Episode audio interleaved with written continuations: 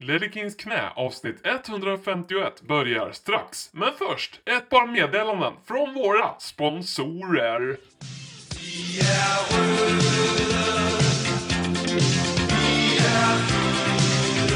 Hej, mitt namn är Christian Eriksson. Jag är 7,5 halvfjerds år gammal och jag spelar offensiv mittfältare i Tottenham Hotspur. Jag kan också spela central innermitt och höger offensiv och ibland också vänster offensiv mittfältare. Jag befinner mig nettopp i höjdpunkten av min karriär och jag är ledig nu efter en ny utmaning. Om du är intresserad kan du ringa min agent, Mr Preben Prebensen, på nummer 756 halvfjerds 34 98. Ha det!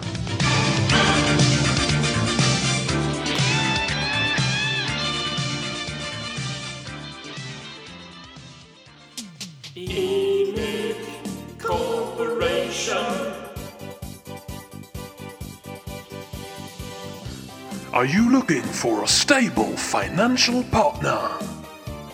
Do you like watching paint dry on a wall? And do you value financial prosperity over success in sports? In that case, you're very welcome to invest in the ENIC Corporation today. ENIC, your money tomorrow.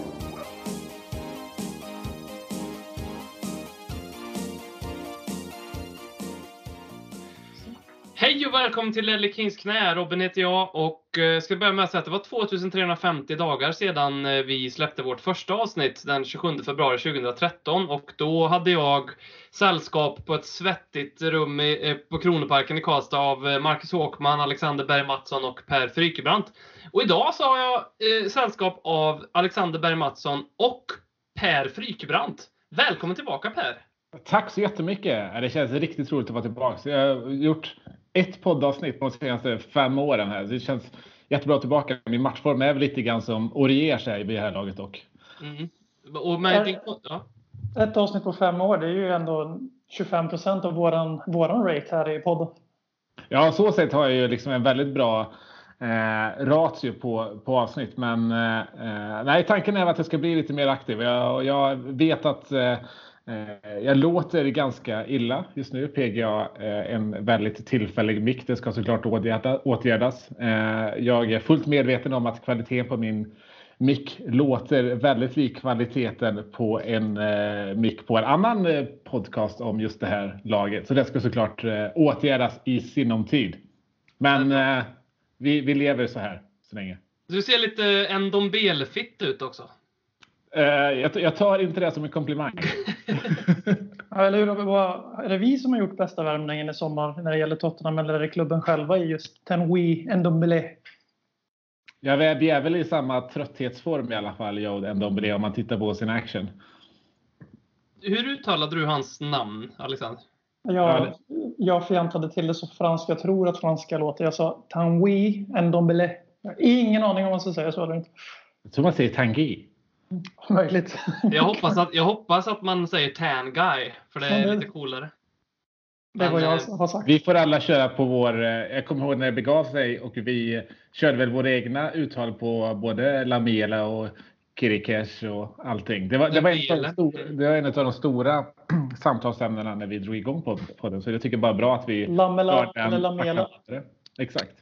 Vet, jag har lärt mig nu hur man säger Lamela faktiskt. Att, eh, eftersom jag ska lära mig italienska för jag är en calzorunkare.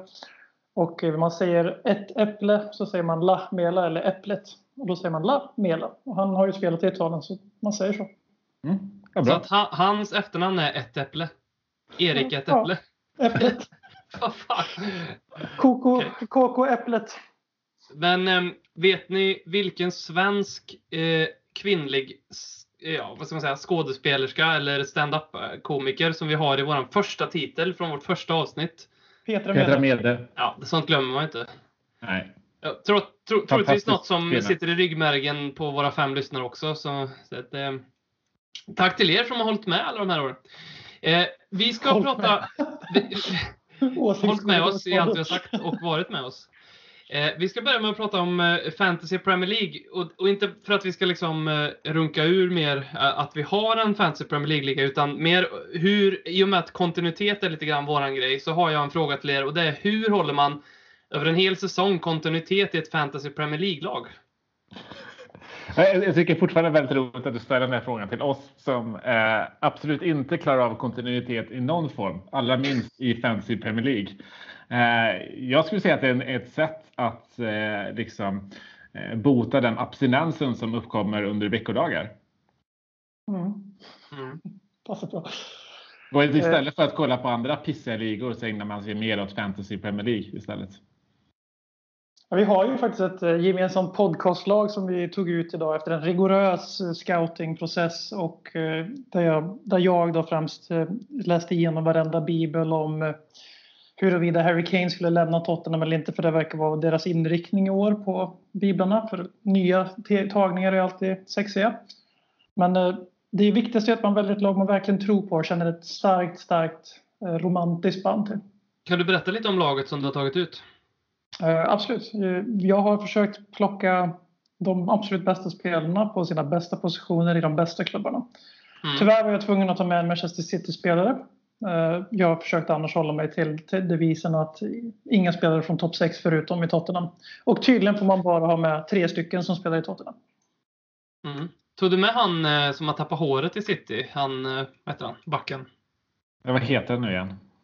Det glöms. Är inte det han Kyle Walker Peters Walker?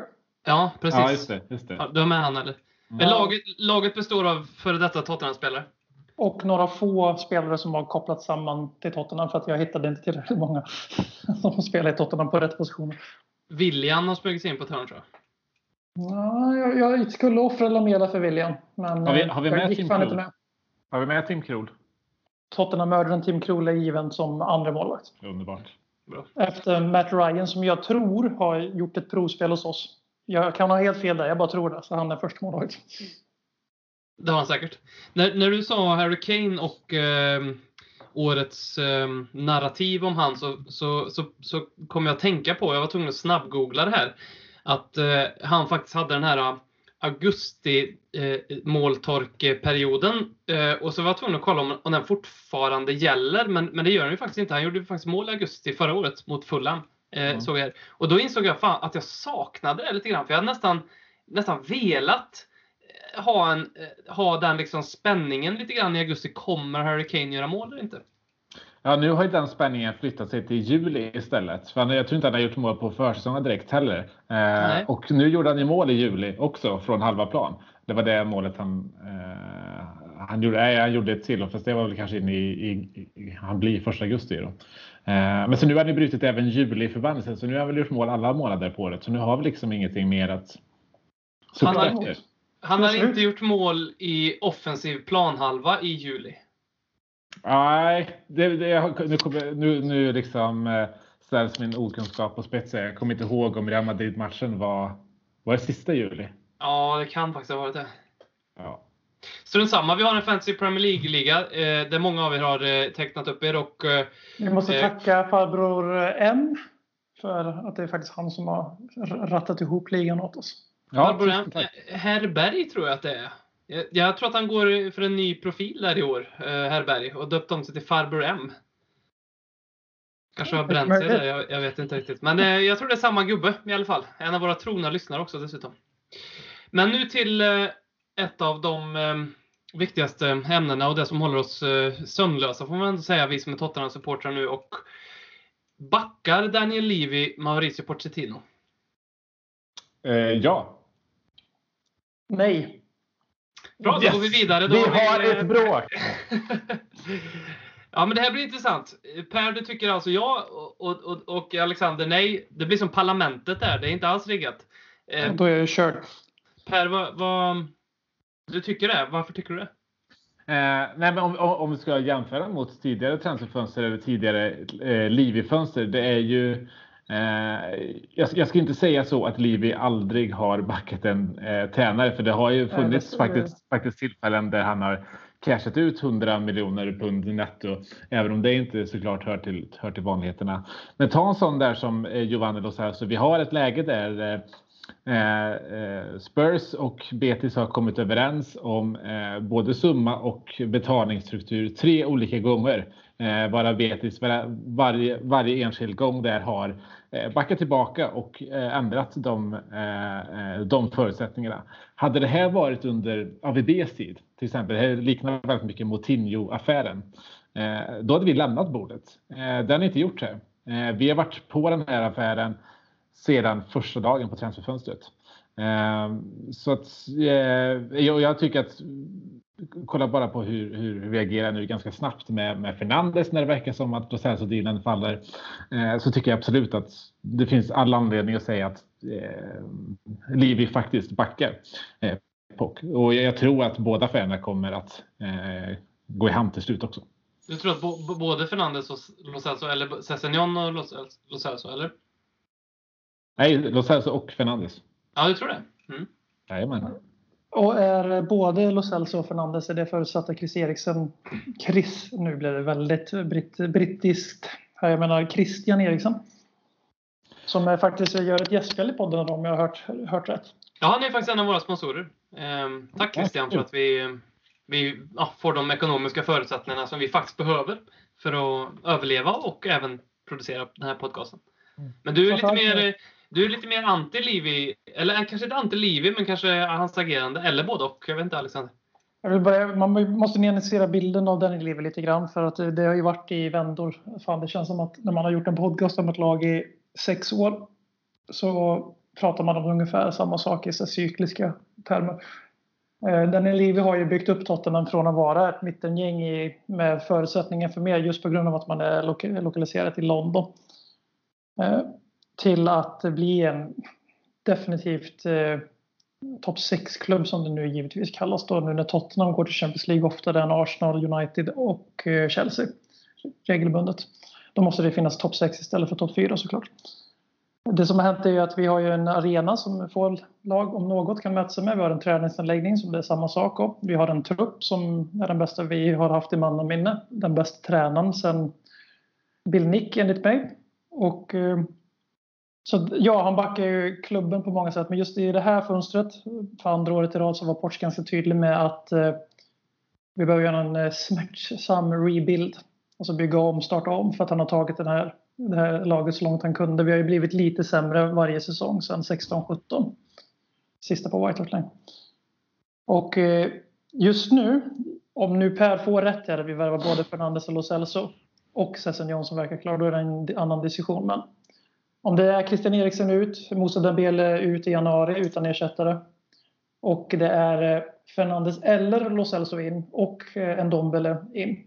Även om det är för rekordsummor som bara beror på att vi låg långt under marknadsvärde när det gäller sådana saker.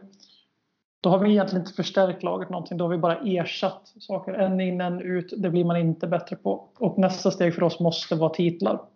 Och just nu har han inte backat bort nog för att vi ska kunna vinna en titel 18-19.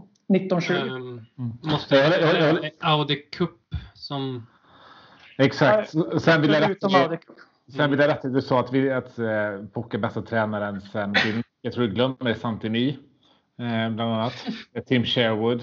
Eh, det, det, det, det, är historierevision på, på, på hög nivå här från Alexander Berg Mattsson. Men... Du skulle dra till med Birkenshaw, men fan Sir Tim, det, det, ja. jag, där får jag vika mig. Ja, nej, men alltså, jag, jag, håller med dig i det, men vi får komma ihåg också att det har varit en extremt trög marknad då. Det, det var det i fjol också. Det är, det är den nya trenden. Um, och marknaden, det, det är sjukt att det är så här, men det, det är tre dagar kvar på transferfönstret och marknaden har inte riktigt kickat igång. Det brukar vara så att ett par eh, riktigt stora värvningar brukar så här, trigga igång marknaden och bli liksom en, en, en ruljans. Det, det har inte riktigt hänt än. Det förmodade var att det skulle vara en, en Pogba-affär eller en Neymar-affär eller liknande, men det har inte varit någon som än. Eh, och jag tror att säga, eh, förmodligen kommer vi se någon sån som kan sätta eh, igång eh, den rulliansen lite grann. Annars får det helt enkelt bli vi som gör det. Men det är lite eh. oroande för både Pogba och Neymar-affären nu när man läser så verkar Real Madrid och, och Barcelona dragit sig ur båda de två. Mm. Ja, de, de, två verkar ganska finito. Mm. Ja, det, står, det, står, det, får man, det får man ge Per ganska rätt där. Att det, det glöms oftast bort när man följer en klubb väldigt slaviskt och nära. Att eh, det är ju inte bara en klubb som sätter marknaden. Är det bra att du lägger till där att om ingen annan sätter ruljans på det, då måste vi göra det. För då tappar ju mitt argument all kraft om det faktiskt blir Tottenham till slut som helt enkelt skiter i huruvida Pogba går till Real Madrid. För att om man inte gör det, då kanske Zidane tar Christian Eriksen. Eriksen verkar vara väldigt sugen på Real Madrid. Eh, och eh, om det inte istället för att stå och vänta då och agera istället för att reagera, då är det, då är det svårt att säga att Levi inte backar Porsche helt plötsligt. Mm. Men om vi, eh, om vi, det ska ju göras också. Om vi, om vi kollar på de andra klubbarna så kan vi inte riktigt säga att det är något annat lag som har gjort en avsevärt bättre fönster än oss så länge. Eh, alltså vi har ju bara... Nej, såklart. Eh, 130 miljoner på Bisaka och eh, Harry Maguire. Ja, exakt. Jag tycker faktiskt att United är de som eh, än så länge gjort det bäst. Vi har eh, Arsenal som med eh, Ceballos i princip bara gjorde en, en eh, ersatte Ramsey precis som vi, men Dombele ersatte Dembele. Eh, sen så är det deras Peppe-värvning. Eh, Peppe? Hur man nu ska uttala det, som har kanske Premier Leagues smalaste eh, vader. Det ska bli väldigt intressant att se honom eh, möta några benknäckare i, i, i England. Jag saknar Stoke när jag såg de benen. Ja, Charlie det. Alltså det är en väldigt viktig poäng du tar upp här. Är han den första spelaren som det verkligen är applicerbart på? Alltså på riktigt, inte ens lite humor i det längre. Att could he do it on a rainy night in Stoke förutsatt att Stoke spelar i Premier League. För när man tittar på de benen då tänker man ju direkt liksom att en spark och det är slut på karriären. Mm. Ja men, nej, men verkligen. Jag tror att så här, precis som du säger, eh, ingen spelare har varit mer eh, could he do it on a rainy, on a rainy night in Stoke kompatibel än vad Niklas Pepe är. Med det sagt så tycker jag att det är en eh, intressant värvning. Det, det, det, Arsenal spelar ett väldigt högt spel som inte vi behöver göra. Eh, Arsenal sätter, Alltså, så, sätter, sätter väldigt mycket on the line i det här eh, transferfönstret.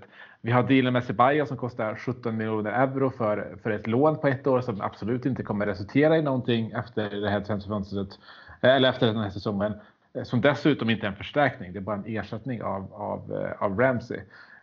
och sen så har vi också Niklas Peppe-affären som är ungefär 20 miljoner dyrare än vad den hade behövt vara för att man betalar av den på så sätt som, som man faktiskt gör. jag, jag tror också att, så här, att Lill inte får hela den pengen. Jag tror att de förmodligen har sålt av den här försäljningen till en Eh, ett bolag som istället samlar in pengarna från, eh, från Arsenal. Typ Klarna? Ja, men, mm, som, som ett sånt företag. Eh, kanske inte just ett, ett Klarna-företag utan lite mer kanske B2B eh, inriktat företag. Hur som helst. Eh, med det sagt så är Liverpool, eh, det är ganska eh, eh lugnt till. City likadant. Så det är en väldigt lugn marknad och det är väl det som är nu med att här, spelarna får mycket mer, eh, mycket mer makt samtidigt som klubbarna har också mycket mer pengar. Alltså, klubbar behöver inte sälja längre. Eh, så det blir mer för att här, vi kommer få se mycket mer av de här Ramsey, Christian Eriksen, eh, Tobbe Alderweireld eh, eh, scenarierna. Att spelare eh, helt enkelt låter sina kontrakt löpa ut. Och då blir det en mycket långsammare marknad helt enkelt. Är det det som kommer hända både Toby och Chris tror du eller? Att de blir kvar den här säsongen? Ja, nu Chris spekulerar vi eventuellt i en Real Madrid-flytt, men Toby Alderweireld framförallt då? Toby garanterat kommer att spela den här säsongen eh, och han kommer garanterat inte signera ett nytt kontrakt. Eh, Christian Eriksen är verkligen en sån som vi behöver avlasta. Det är en för stor tillgång att, att låta bara rinna ut i sanden sådär. Eh, och det är väl därför som det spekuleras mycket i att klubben pushar Christian Eriksen till United eh, och huruvida det är rätt eller extremt fel. Jag skulle säga så att om vi faktiskt gör, om det är så att vi nu pushar honom till eh, United. Det som är grejen då, att då eh, gör vi oss av med Christian Eriksen på våra premisser. Eh, det ger oss eh, egen makt i hur vi själva vill hantera situationen. Eh, vi kommer med det få mycket mer pengar än vad vi gjort om vi hade sålt honom till Juventus eller Real Madrid, vilket i sin tur eh, ersätter den här eh, kanske lite dyrare eller affären som vi som blev lite dyrare än vad vi trodde, det vill säga Los Angeles, samtidigt som Bruno Fernandes också blir lite billigare än vad vi har trott.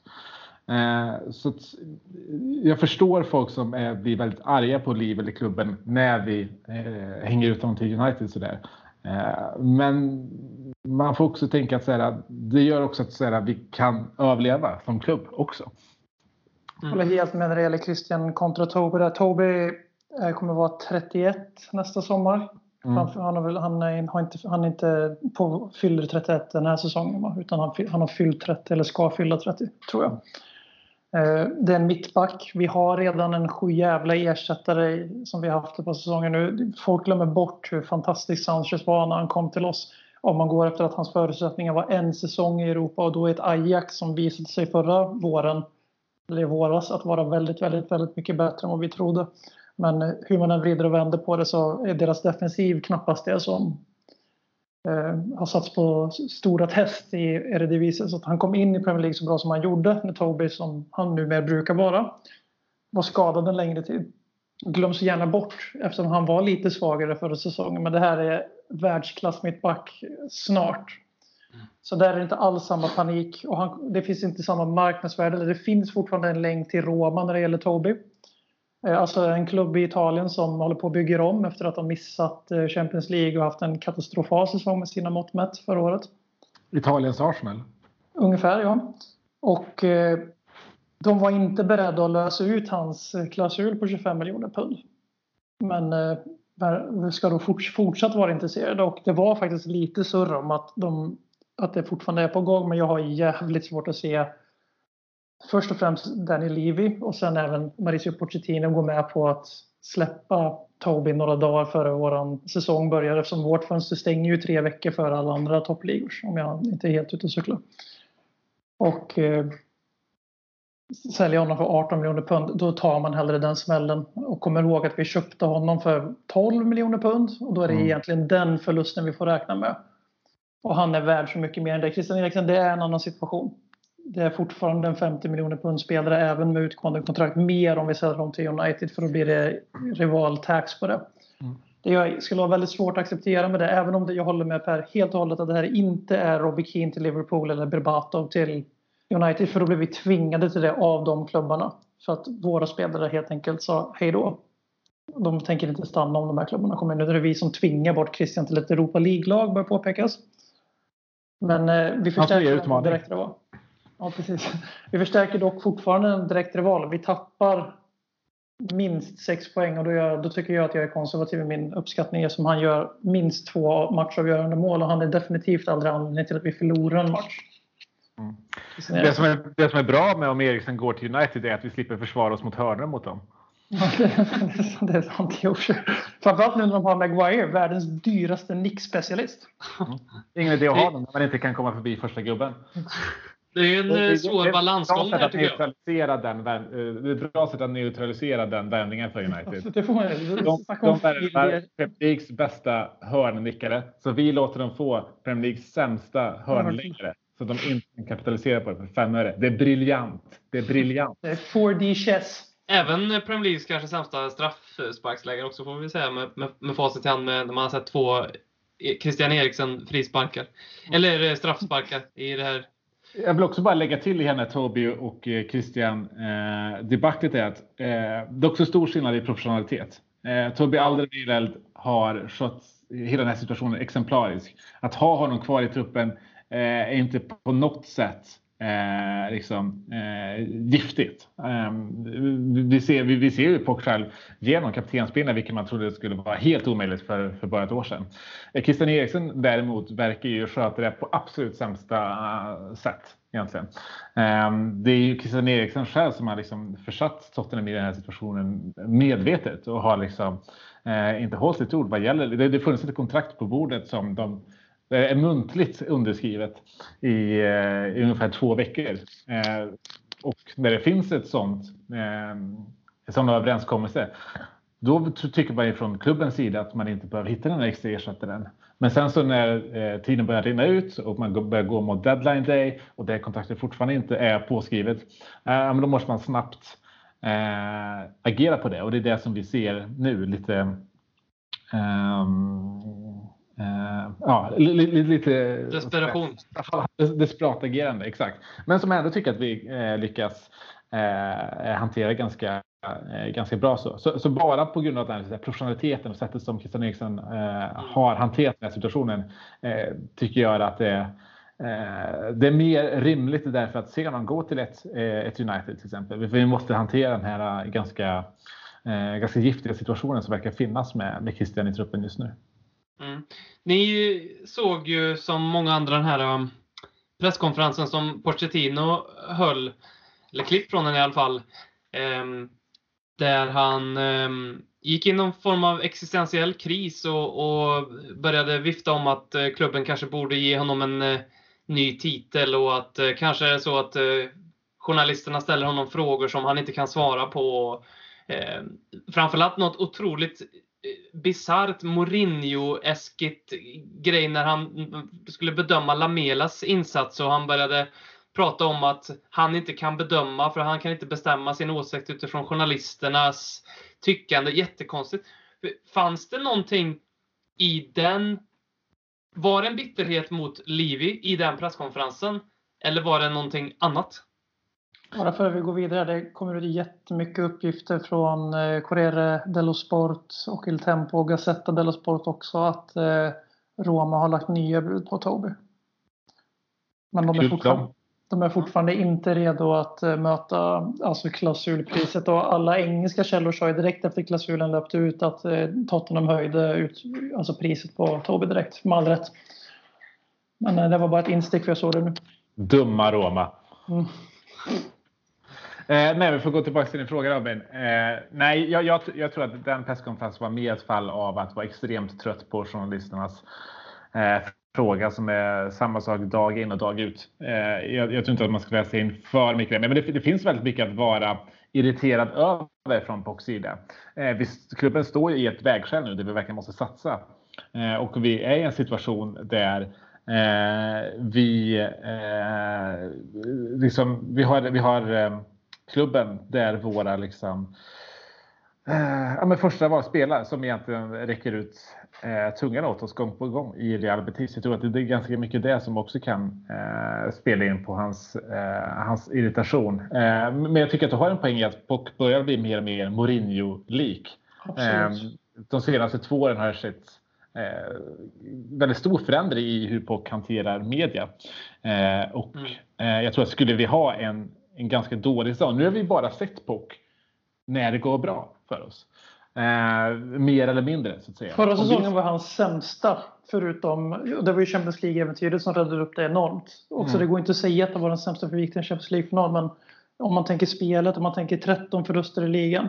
Så jag håller, om det är liksom hans sämsta säsong, vi blir ju likt förbannat fyra i Premier League och gick till Champions League-final. Så jag håller med här att det ska bli extremt intressant att se hur han skulle hantera en eventuell alltså misslyckad säsong där vi inte går till Champions League och mm. inte vinner en titel. Mm, mm. Eh, men eh, Pock är en framtida Mourinho. Vi vet inte riktigt hur han hanterar eh, motgångar generellt. Om vi skulle ha en säsong där det verkar som att vi kommer sexa. Eh, då får vi nog se lite Mourinho-esk hantering av eller alla Pogba och Luke Shaw. Vem blir vår Luke Shaw? Vem är han kastar under bussen menar du? Ja, exakt. Ja, Christian Eriksen ligger nog rätt dåligt till om han är kvar den 9 augusti. Han ligger nog jävligt pyrt till i, i jag, tror att han, jag tror att han är jävligt sugen på att kasta Hugo Lloris under bussen. Även om jag tror att de två har ganska fin kemi. Så tror jag liksom, om vi förlorar med 3-0 här nu mot eh, Aston Villa och så släpper typ Juris in två ja, sådana här tabbar som vi vet att han kommer göra fyra, fem stycken på en säsong kanske. Som är lite överdrivet, men ändå. Mm. Så kanske, då, då, då, tror jag att han är liksom Någonting kommer riktat Hugo det, det, verkar ju som att e- Erik Äpplet ligger ganska pyrt redan. Erik ett äpple menar du? Ja, ett äpple. Ja, korrekt. Ja, jag vet alltså, Lamela i sig man vill ju tro att hans fantastiska försäsong jag tänker inte dra den här eh, långa historien om att ja, nu kommer han ha sin, nu kommer han leverera igen som han gjorde den här och bla bla bla. För han kommer bli skadad, det bara är så. Men eh, jag mer och mer börjar känna att han faktiskt använder Lamel under försäsongen som ett, som ett sätt att sätta press på den i Livi. Mm. Inte bara belöna åt hans insatser för att han har varit vår bästa spelare av ordinarie spelare på försäsongen, det är ingen diskussion. Men jag tror inte att det är bara liksom att han ger honom ny, förnyat förtroende hela tiden utan det försiggår någonting djupare här. Det är antingen lite så fingerpekande mot Christian. Bara, du tror att du är given i det här laget. Du vill ha en ny mm. utmaning. Du är inte given i det här laget. Det kan vara en sak, men jag tror också att det är ganska mycket. Titta, titta Livi vad jag måste göra. Jag måste spela Lamela som kan spela två månader på en säsong om vi har tur. Så, så tänkte jag han... Nu. så tänkte jag när han tog ut Nkodu. Kolla Livi, kolla vad jag har här. Och sen så blir det lite problematiskt för honom när Nkodu faktiskt levererar ganska bra ändå, som han gjorde mot Bayern München. Det gör han ju bara sett till hans väldigt låga förväntningar. Och det är ju lite så med Lamela också, måste vi väl säga. Att... Nkodu är alltid bra på försäsongen. Var, varje försäsong så säger vi Nkodu är som en ny värvning. Och sen blir det som det blir. Hans... Eh, en annan otrolig nyhet här under sommaren, eh, på tal om Nkodu lite grann. Eh, men en annan Nkodu, eh, Clinton NG. Ehm, jag vet inte om ni har sett eh, vad han haft för sig i sommar? Jag har inte missat en sekund. Du har inte missat de 20 sekunderna av hans äh, sextape? Äh, exakt. Han har blivit såld till Ryssland om jag förstår det rätt. Ja, det första VS Boas gjorde i Marseille var att sälja Clinton NG. Alltså? Mm. fick han ju rätt. Om man tänker på vad som hände sen. Vad är dina... Jag vet att du har sett filmen Per, det har jag också gjort faktiskt. Jag kan inte säga. Jag vet, Alexander tror jag inte har sett. Om inte du har kollat på den nu under den här podden här. Nej, jag har faktiskt inte sett det. Nej, jag, det tror, kanske jag lite... tror att den har den uppe. Ja. inte Nej, precis. Ska, ska jag kommentera filmen? Ja, gör det. Uh, nej, nej, men uh, ändå imponerande att kunna hålla ut i 20 sekunder, måste jag först säga. Uh, bara det presterar mer än vad jag någonsin trodde att han skulle göra. Och jag ligger ju i lä där, får jag säga. Men om man får ändå säga, kommentera hans... jag vet, det finns ju inte så mycket att kommentera den filmen förutom... Men vi måste kommentera hans, hans, hans, hans damage control. Den, ja. är, alltså, den är så fantastiskt usel så det är helt otroligt. Han sa att han skulle läsa nyheterna och, rå, råkade lägga upp en film eh, där han får eh, lite connolingus. Var det så? Ja. Eh, nej, nej, nej, hans, hans könsorgan var väldigt likt en hunds. Eh, läppstift, läppstift snopp. Lite vass penis. Ja, exakt. Eh, det var väl det mest häpnadsväckande. Eller inte häpnadsväckande, man, det är väl kanske lite så man förväntar sig att den ska, att den ska se ut. Så, så har jag tänkt i alla fall, när jag har tänkt på den. Andra kända Spurs eh, penisar är väl ändå Nasser Chadlis delfinpenis. Det var ju ett tag en... Är det där det kommer ifrån? Ja, det, det här är ju... Det här är min bild av den storyn. Det här är min bild av den storyn och den är fruktansvärt rolig om den är sann. Men det är det jag kunde gräva fram och det är ju att någon i eh, The Fighting Cock i ett berusat tillstånd när de spelade in podden sa att Nasser Chadli, han är en kille som har en penis som ser ut som en delfin. Och då började det här ta liv att alla började kalla honom för The Dolphin Guy. Och sen så var det ju faktiskt så att Nasser Chadli på Twitter, helt, troligtvis helt ovet, ovetande om detta, eh, kommenterade det är bättre story, någonting Det är bättre med... story om man, om man visste om exakt. Och, och, eh, vet du exakt storyn? Nej, men det är mycket bättre om Nasser visste exakt vad de här delfinerna var. Vad jag, jag tycker det är lite roligt att, att, jag tror att han, för han kommenterade någons eh, tweet med en delfin-emoji. Eh, jag tycker det är väldigt roligt om han inte vet om det och, och liksom trodde att I'm the dolphin guy och så vet han inte riktigt varför och så, ja, så vet alla andra förutom Nasser. Jag, jag står fast vid det att det är bättre om man vet exakt vad det här anspelar till och anspelar till och står fast vid det och gör en grej av det. För storyn dum fotbollsspelare upp med på dum ursäkt är ungefär lika långdraget som Donald Trump twittrar idiotiska saker. En men, fotbollsspelare som bjuder på sig själv lite grann, det, det, det är uppfriskande. Men, men ska vi då kanske börja approchera NG med eh, läppstifts-emojis här? ja, det tycker jag. Eh, och, och hund, få, hundar. Och hund, hundar. Mm. Där, där, har vi något, där har vi den nya trenden. Ja. Jag uppmanar till alla lyssnare att uh, hjälpa till med den här uh, åsikts... Uh, eller vad ska man säga, opinionsbildningen. Eh, måste flika in en sak här. Jag kollade på Luton Middlesbrough som var förut var en, en sju helvetes jävla match. Det ska bli kul att mm. följa Luton Town i år. Eh, som jag absolut inte kommer göra. Men just nu känns det som att jag kommer kolla väldigt mycket Championship. Kommer troligtvis inte se en match till. Men så kände jag då i alla fall när jag såg den. Men det som slog mig då, eh, det var ju att eh, tränarduon för Middlesbrough är ju Jonathan Woodgate med assisterande manager Robbie Keane. Och detta hade mm. gått mig helt under radarn. Um, så jag fick en lite smärre chock där. Men otroligt vad vackert det var. I alla fall. Det var väl det jag ville säga med det. Eh, som alla har hört och läst från min sida i leda är ju att Robbie Keane är anledningen till att jag håller på Tottenham. Det kan jag dra den absolut korta versionen. Eh, 2002 VM hade varit. Satte mig och googlade fram vilket lag Robbie Keane spelade i. Ny idol på grund av irländska släktingar. Han spelade i Tottenham. Match made in heaven. Det är inte vackrare än så. Att nu jag får höra att han inte bara är assisterande förbundskapten för mitt eh, kulturellt approprierade hemland Irland, utan även för Middlesbrough, gör ju att jag kommer att lämna Ledley Kings knä och börja en eh, Middlesbrough-podd. Jag behöver bara hitta en likasinnad i landet först. Det är det som blir svåra. Du behöver hitta någon... ja, precis. Jag förstår du... nämligen inte ett ord som kommer ut en uh, borough, eller hur man nu kallar den, någon från Middlesbrough. Du behöver hitta en... Uh, Woodgate är ju lite Middlesbrough, Middlesbrough svar på Ledley King i och för sig då. Och sen Gareth Southgate också faktiskt. Mm. Uh, så du behöver hitta typ Gareth Southgates... Uh, ja, något Brorsa? Med, ja, något sånt. För att infiltrera Jaha, du, menar som, du menar som poddnamn? Poddnamn tänker jag här. Gareth Southgates. Vad heter en sån här väst man har som man alltid har? Bib. Jaha, en sån väst? Ja, en, en, en kostymväst. Rikemansväst. Ja. Mm. Gareth Southgates rikemansväst. Det är ett faktiskt bra Pending. Trademark ja. pending. Mm. Med ja. ett till två avsnitt per år. Mm. Min, min Robbie Keane-story är att när jag äh, flög över för jag skulle flytta till USA så satt jag på samma flyg som, äh, som Robbie Keane. Äh, och när vi gick av planet så Eh, var han väldigt bestört över att han var tvungen att stå i kö eh, genom säkerhetskontrollen. Eh, och eh, han hittade sen inte ut i flygplatsen. också rimligt. Det var en lång flight, mycket alkohol. Hans tjej är också dubbelt så lång som honom. Hon är ju även en former Miss Ireland också, lärde vi oss mm. också. Mm. Det är fan inte lätt att vinna, vill jag påpeka. Jag ska åka till Irland här om ungefär 36 timmar när ni hör det.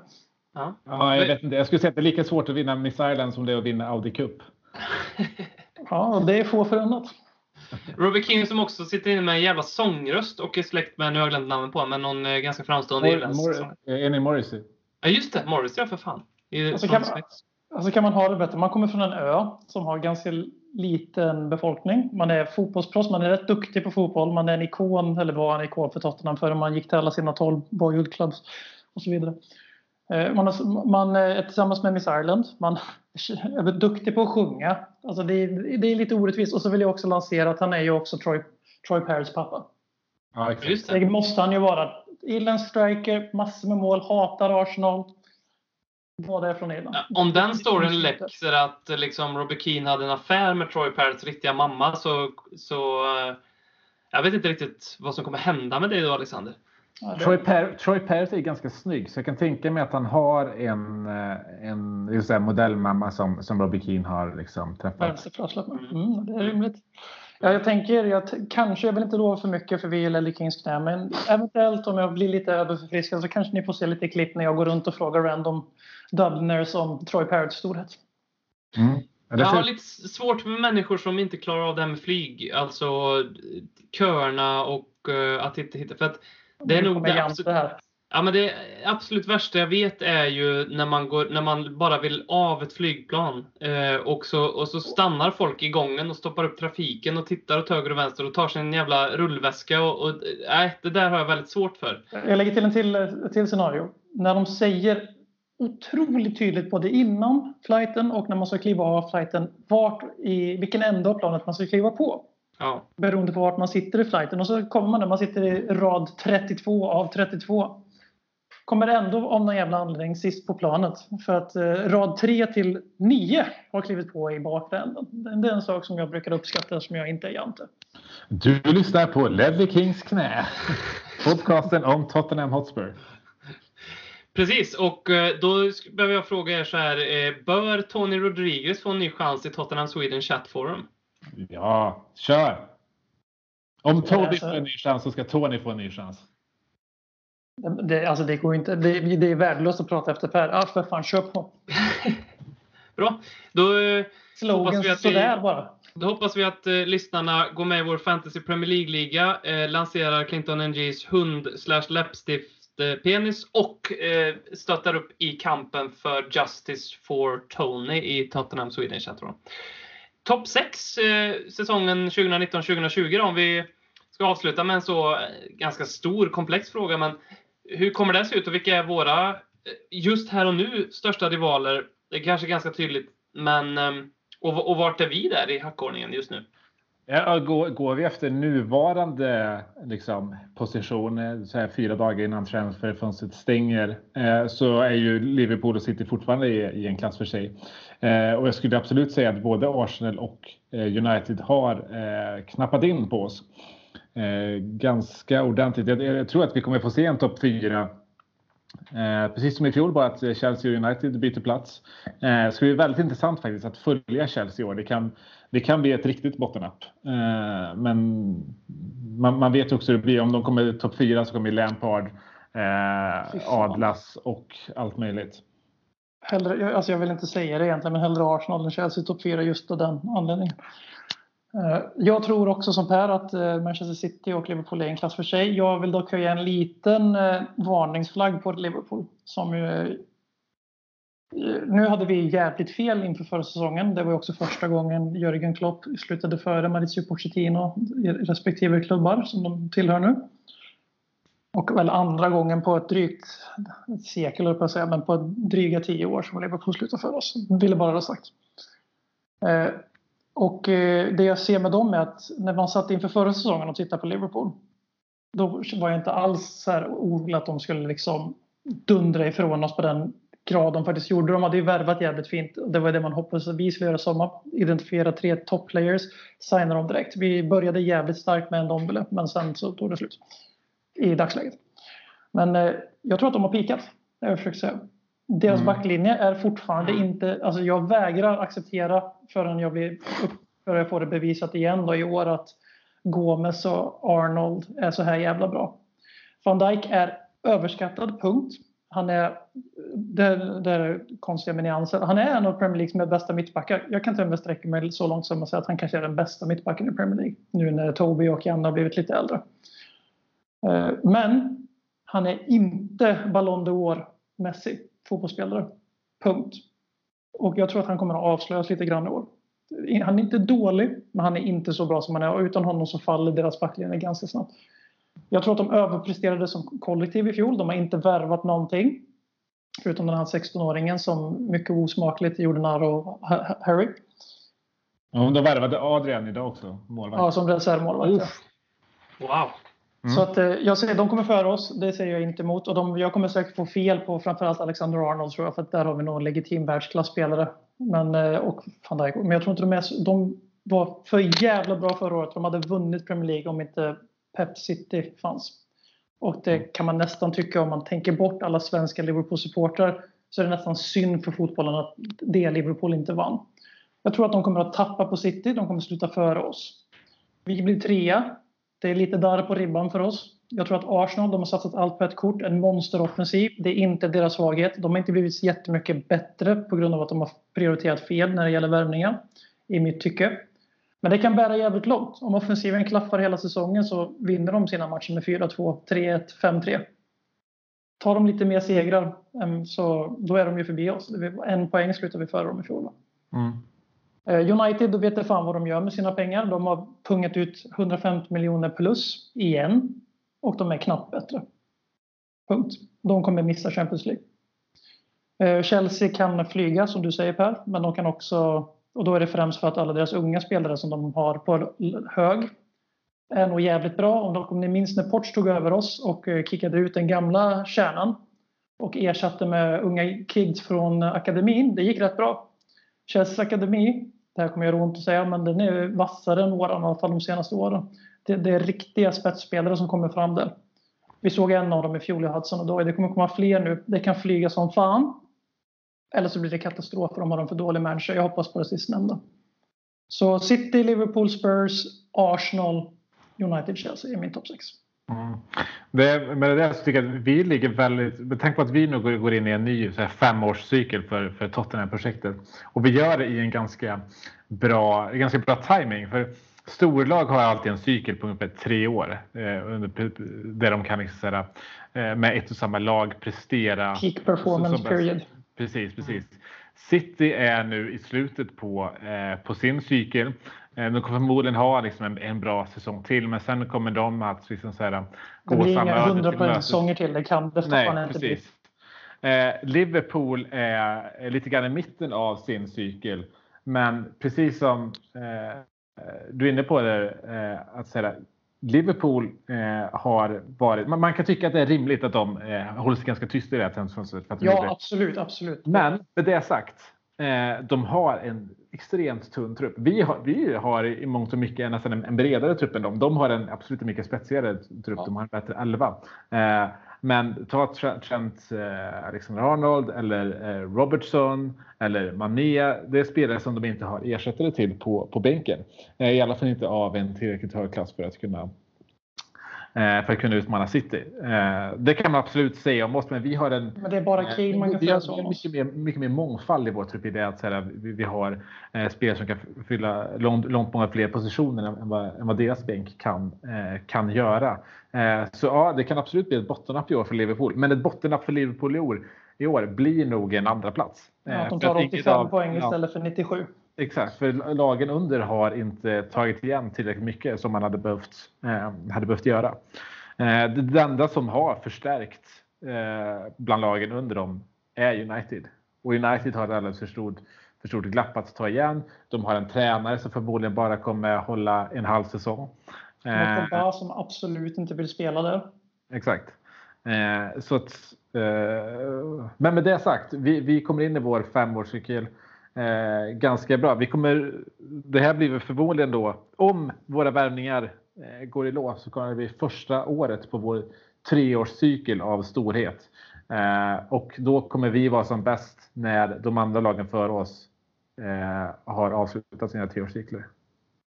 Är det helt omöjligt att, eh, du har inte fått säga någonting Robin när du ska prata alldeles strax, men är det helt, är det helt alltså, hur, procentchans, hur, hur, stor är risken här att vi bommar Champions League 2019-20? Att vi... just, just nu tror jag att, eh, just nu tror jag verkligen vi får kämpa för Champions League. Ja, eh, trots, jag, trots mina åsikter om United så tror jag att det är i alla fall 30 risk minst att vi bommar. Jag, jag, har, eh, jag sitter och funderar på om det är någon klubb som jag vill eventuellt fila in i topp 6. Eh, det finns ju jag, tre kandidater. Ja, det är Everton, Wolves och Leicester. Leicester, ja. Um, och Everton tror jag inte alls på. Um, Fan, de är sexiga Everton alltså. De är lite de är som de gör, de gör allt rätt. De gör allt rätt, men de är, precis som du säger, så är de, de är där när vi handlade de här 11 värvningarna. Delfin, Chadlier, Eriksen och... Liksom, ja, men precis. De, de är där nu. Eh, vilket förhoppningsvis innebär att de kommer ha en ganska medioker säsong. Kanske att Silva ryker. Eh, vilket kanske vore rätt för dem också. Eh, Wolverhampton eh, ser på lite samma sätt som Leicester. Det är liksom ändra så orkar de hålla uppe en bra säsong eller så kan det floppa rejält för dem. Nykomling i fjol, ska spela i Europa. Ja. Går de in i Europa League då, det fixar de inte. Det död, nej, det dödar de liksom. Och Leicester, fan jag gillar verkligen inte Brendan Rodgers, så att jag, men, men man måste ändå säga att det ser ganska bra ut där. Han fick ju ganska intressant fart på dem i slutet på förra säsongen. Plus att de har gjort väldigt klokt de har handlat Thielemans. Eh, Ayose Perez tycker jag är en skitbra värvning för dem. Mm. Verkligen jättebra Han hade jag gärna sett att vi plockar som breddspelare faktiskt. Jag med faktiskt. Eh, och det, det, är verkligen Vardy och Perez. Det är, det är, bra, det är riktigt bra. Och, men det är hur de tacklar Maguire då. Det är helt sjukt att vi sitter här för 30 minuter sedan och säger att Toby Alderweireld kanske går för 18 miljoner till Roma samtidigt som Leicester kanske budar 75 miljoner pund på Nathan Ake. Det är ju så jävla skevt. Eh, de skulle aldrig ro hem Alderweireld ändå, men det säger ganska mycket. Så att vi får se lite hur, om de lyckas med ett bra mittlås nu efter Maguire så tror jag mer på Leicester än någon av Everton och Wolves faktiskt. Um, ja, jag håller med. Det, fin det finns också en Umtiti eh, att ja. eh, tillgå. jag, jag håller helt med dig vad gäller liksom, eh, potentiella lag att slå sig in. Eh, Wolves, eh, för, för, när vi sa förut att det inte hänt så mycket på transferfönstret eller på transferfronten i Premier League. Det har ju varit ett väldigt roligt fönster om man kollar utanför, utanför topp 6. Ja. Mm. Eh, jag tycker, eh, Cutrone till, till Wolves kan man ju liksom se vad med. Jag tycker det är en jätterolig värvning. Eh, men Wolves kommer ha det här klassiska liksom, Europa League-förbannelsen över sig. Eh, de kommer inte prestera på samma sätt som de gjorde i fjol. Everton ser ju riktigt roliga ut och deras svar på Daniel Levy. Eh, jag glömt förnamn, typ Brand heter han i, i, i efternamn i alla fall. Eh, jag tror han kommer bli liksom en ny, lite ny ikon. Han har roterat riktigt roliga eh, affärer i, i, i Moise Keane framförallt. Eh, och eh, skulle vilja också vilja slå ett slag för några av deras spelare i, i Fantasy Premier League. Jag vet, Fabian Delf eh, kan man ta in där i, i backlinjen till exempel. Eh, väldigt billig. Eh, men eh, det ska bli väldigt roligt att följa eh, Everton i år. Och som du säger, om, om Leicester bara kan få ihop ett, ett mittlås på något sätt. Om det är nu vet jag inte vad de har ryktats till, men skulle de få en liksom, om Titi eller Ake eller vad det nu kan vara så kommer de bli väldigt roliga att följa i år. Eh, även de. Eh, men det ska bli intressant att se vilka som blir liksom the black horse i år. Eh, eftersom att ehm, Wolverhampton var det i fjol. Vilket lag som vi inte förväntar oss kommer sen utmana topp 7, topp 8. Mm. West Ham är ju, har vi glömt att nämna här. Eh, men, eh, händer inte. Man vet aldrig med dem. Det är det. Jag vet inte om det stämmer riktigt att man vet aldrig med dem. Hur många, hur många topp 6 har de? Nej, extremt få. Men eh, de har Pellegrini och de har inte en jättedålig trupp. Eh, tycker jag inte. De, ja, de, har ju ingen, an, de har ingen anfallare va? Nej, det är det. det nu, men, uh... De köpte ju han Sebastian Haller och det första han gjorde var ett självmål. Ja. Det, det, verkar, det verkar vara en trend på nyförvärv den här sommaren. Ja, Delish. Vad har vi mer? Vilka fler självmål? Maitland Niles, inte för att han är ett nyförvärv då, men han gjorde ett hyfsat självmord där. En Trippier. Det var värre än Trippier. Fast Trippier ja. gjorde det i en, i en eh, vanlig ligamatch medan Maitland Niles gjorde en titelmatch om Joao Camper Trofé. Ja, exakt. Så att, eh, fan, vi nämnde knappt att vi hade sålt Trippier till Atletico Madrid. Det säger en del om... Så jävla skönt. Jävla skönt när han drog. Det har också varit vackert att se Håkman i våran chatt liksom gå från totalt så här, apati när det gäller Kieran Trippier. Om då är jag snäll tycker jag mot Håkman till att vara desperat över högerbacken. Och det kan väl lägga till i podden då att det kopplas samman med Napolis eh, Hisai på högerbacken. Men det är inget spektakulärt alls. Då känner jag nästan att det är fan bättre att chansa på både Serge och eh, Kyle Walker Peters och hoppas att någon av dem växlar upp. Lite rädd för Kyle Walker Peters. Jag tycker han ser så jäkla liten ut i det, försvarsspelet. Väldigt alltså, bullig mod ja, men det precis. funkar inte riktigt på svenska. Men, men jag tycker att det är en annan del. Inter och det är ju inte jättelovande inför Premier League att han blir ja, överkörd av Inter. Jämför, jämför han med Troy Parrott som är 17 bast och han gick ju in Alltså han gick in och smällde i dueller mot liksom mittbackar i, som, som skulle sätta dit honom på plats. Här kommer det en fjunig 17-åring. Liksom. Det, bara, det, det bara small. Och han, han var där och ettrig. Liksom. Och så jämför det med Kyle Walker Peters. Uh, ja. Jag, jag tycker att när, Kyle Walker Peters haft, liksom, varit på samma nivå som, eh, som Per, att man får komma in och testa på heltruppen lite grann. Då har han varit så där bra. Men någonting som är liksom symptomatiskt för Kyle Walker Peters är att han aldrig tar chansen när det väl gäller. Mm. Eh, och eh, det har han verkligen visat upp igen under den här försäsongen. Han verkligen blandar och ger. Eh, man, man sitter på honom i 30 minuter och tycker att han är världens bästa högerback och sen så gör han eh, tre, fyra idiotgrejer. Men hela högerbackspositionen är lite en anledning till varför jag är ganska så här, exalterad inför säsongen. För jag gillar att se när eh, en manager ska eh, liksom, ta sig an en utmaning på en position utan att värva.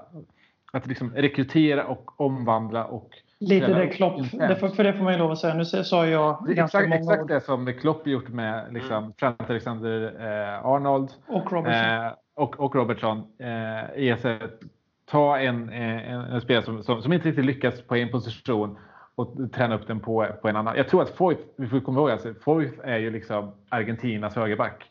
Eh, visserligen nummer två, men det, det säger en hel del att det finns eh, en hel del Eh, kapacitet i det. Man ska bli jätteroligt att se under den här säsongen. Samtidigt som jag tror att Orier har lite det här som är Davison Sanchez. Davison Sanchez är väldigt bra när han får kontinuitet i matchen. När han får spela 15 på raken. Det är då han kommer upp i en nivå. Orier tror jag exakt samma sak. Jag tror att Orier kan få en lite Cissoko-säsong i år. Om man bara kan vara frisk. Det är det som är det stora eh, akilleshälen från honom till skillnad från Cissoko. Mm. Mm. Men mer, mer, mer klopp-tendenser. Det vill vi se.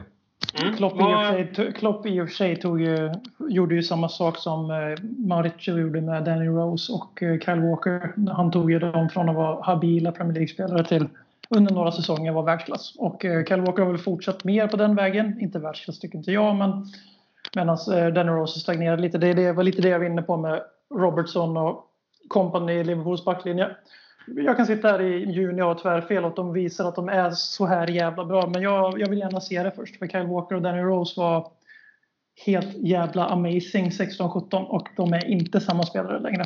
Något som eh, Pochettino också gjorde var att han tog Sissoko från vara ingenting till att avgöra en Champions League-final. Exakt, exakt. Mm, så att, eh, vi, ska inte, vi, ska, vi, ska, inte glömma bort Sissoko i hela högerbacksdiskussionen heller. Nej, jag tycker inte heller det. Jag tror att det är anledningen till varför vi kopplas ihop med så många eh, innermittfältare. Att vi faktiskt ska kunna eh, flytta ner Cissoko på en högerbacksposition också. Högerback är ju en, en legendarisk plats som egentligen alla kan spela på. Um, så.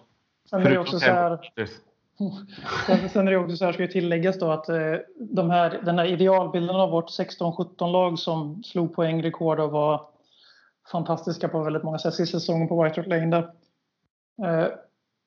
det laget var ju större än sina delar.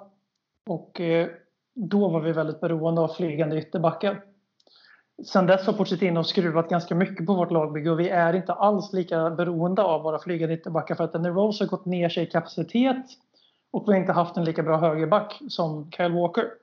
Pochettino är en riktig klasstränare. Han anpassar sig efter de pusselbitar han har vi lever kvar lite som supporter en bild av ett Tottenham där vi måste ha Aaron Lennon och Vedran Kordoka på högerkanten för att annars kan inte vi spela. Men vi är inte 4-4-2 längre och bara kanter. Vi har inte varit det på ganska länge. Därför är jag inte lika orolig på högerbacken som de flesta verkar vara. Utan mycket större prio på att värva fler kroppar med spets till mittens rike.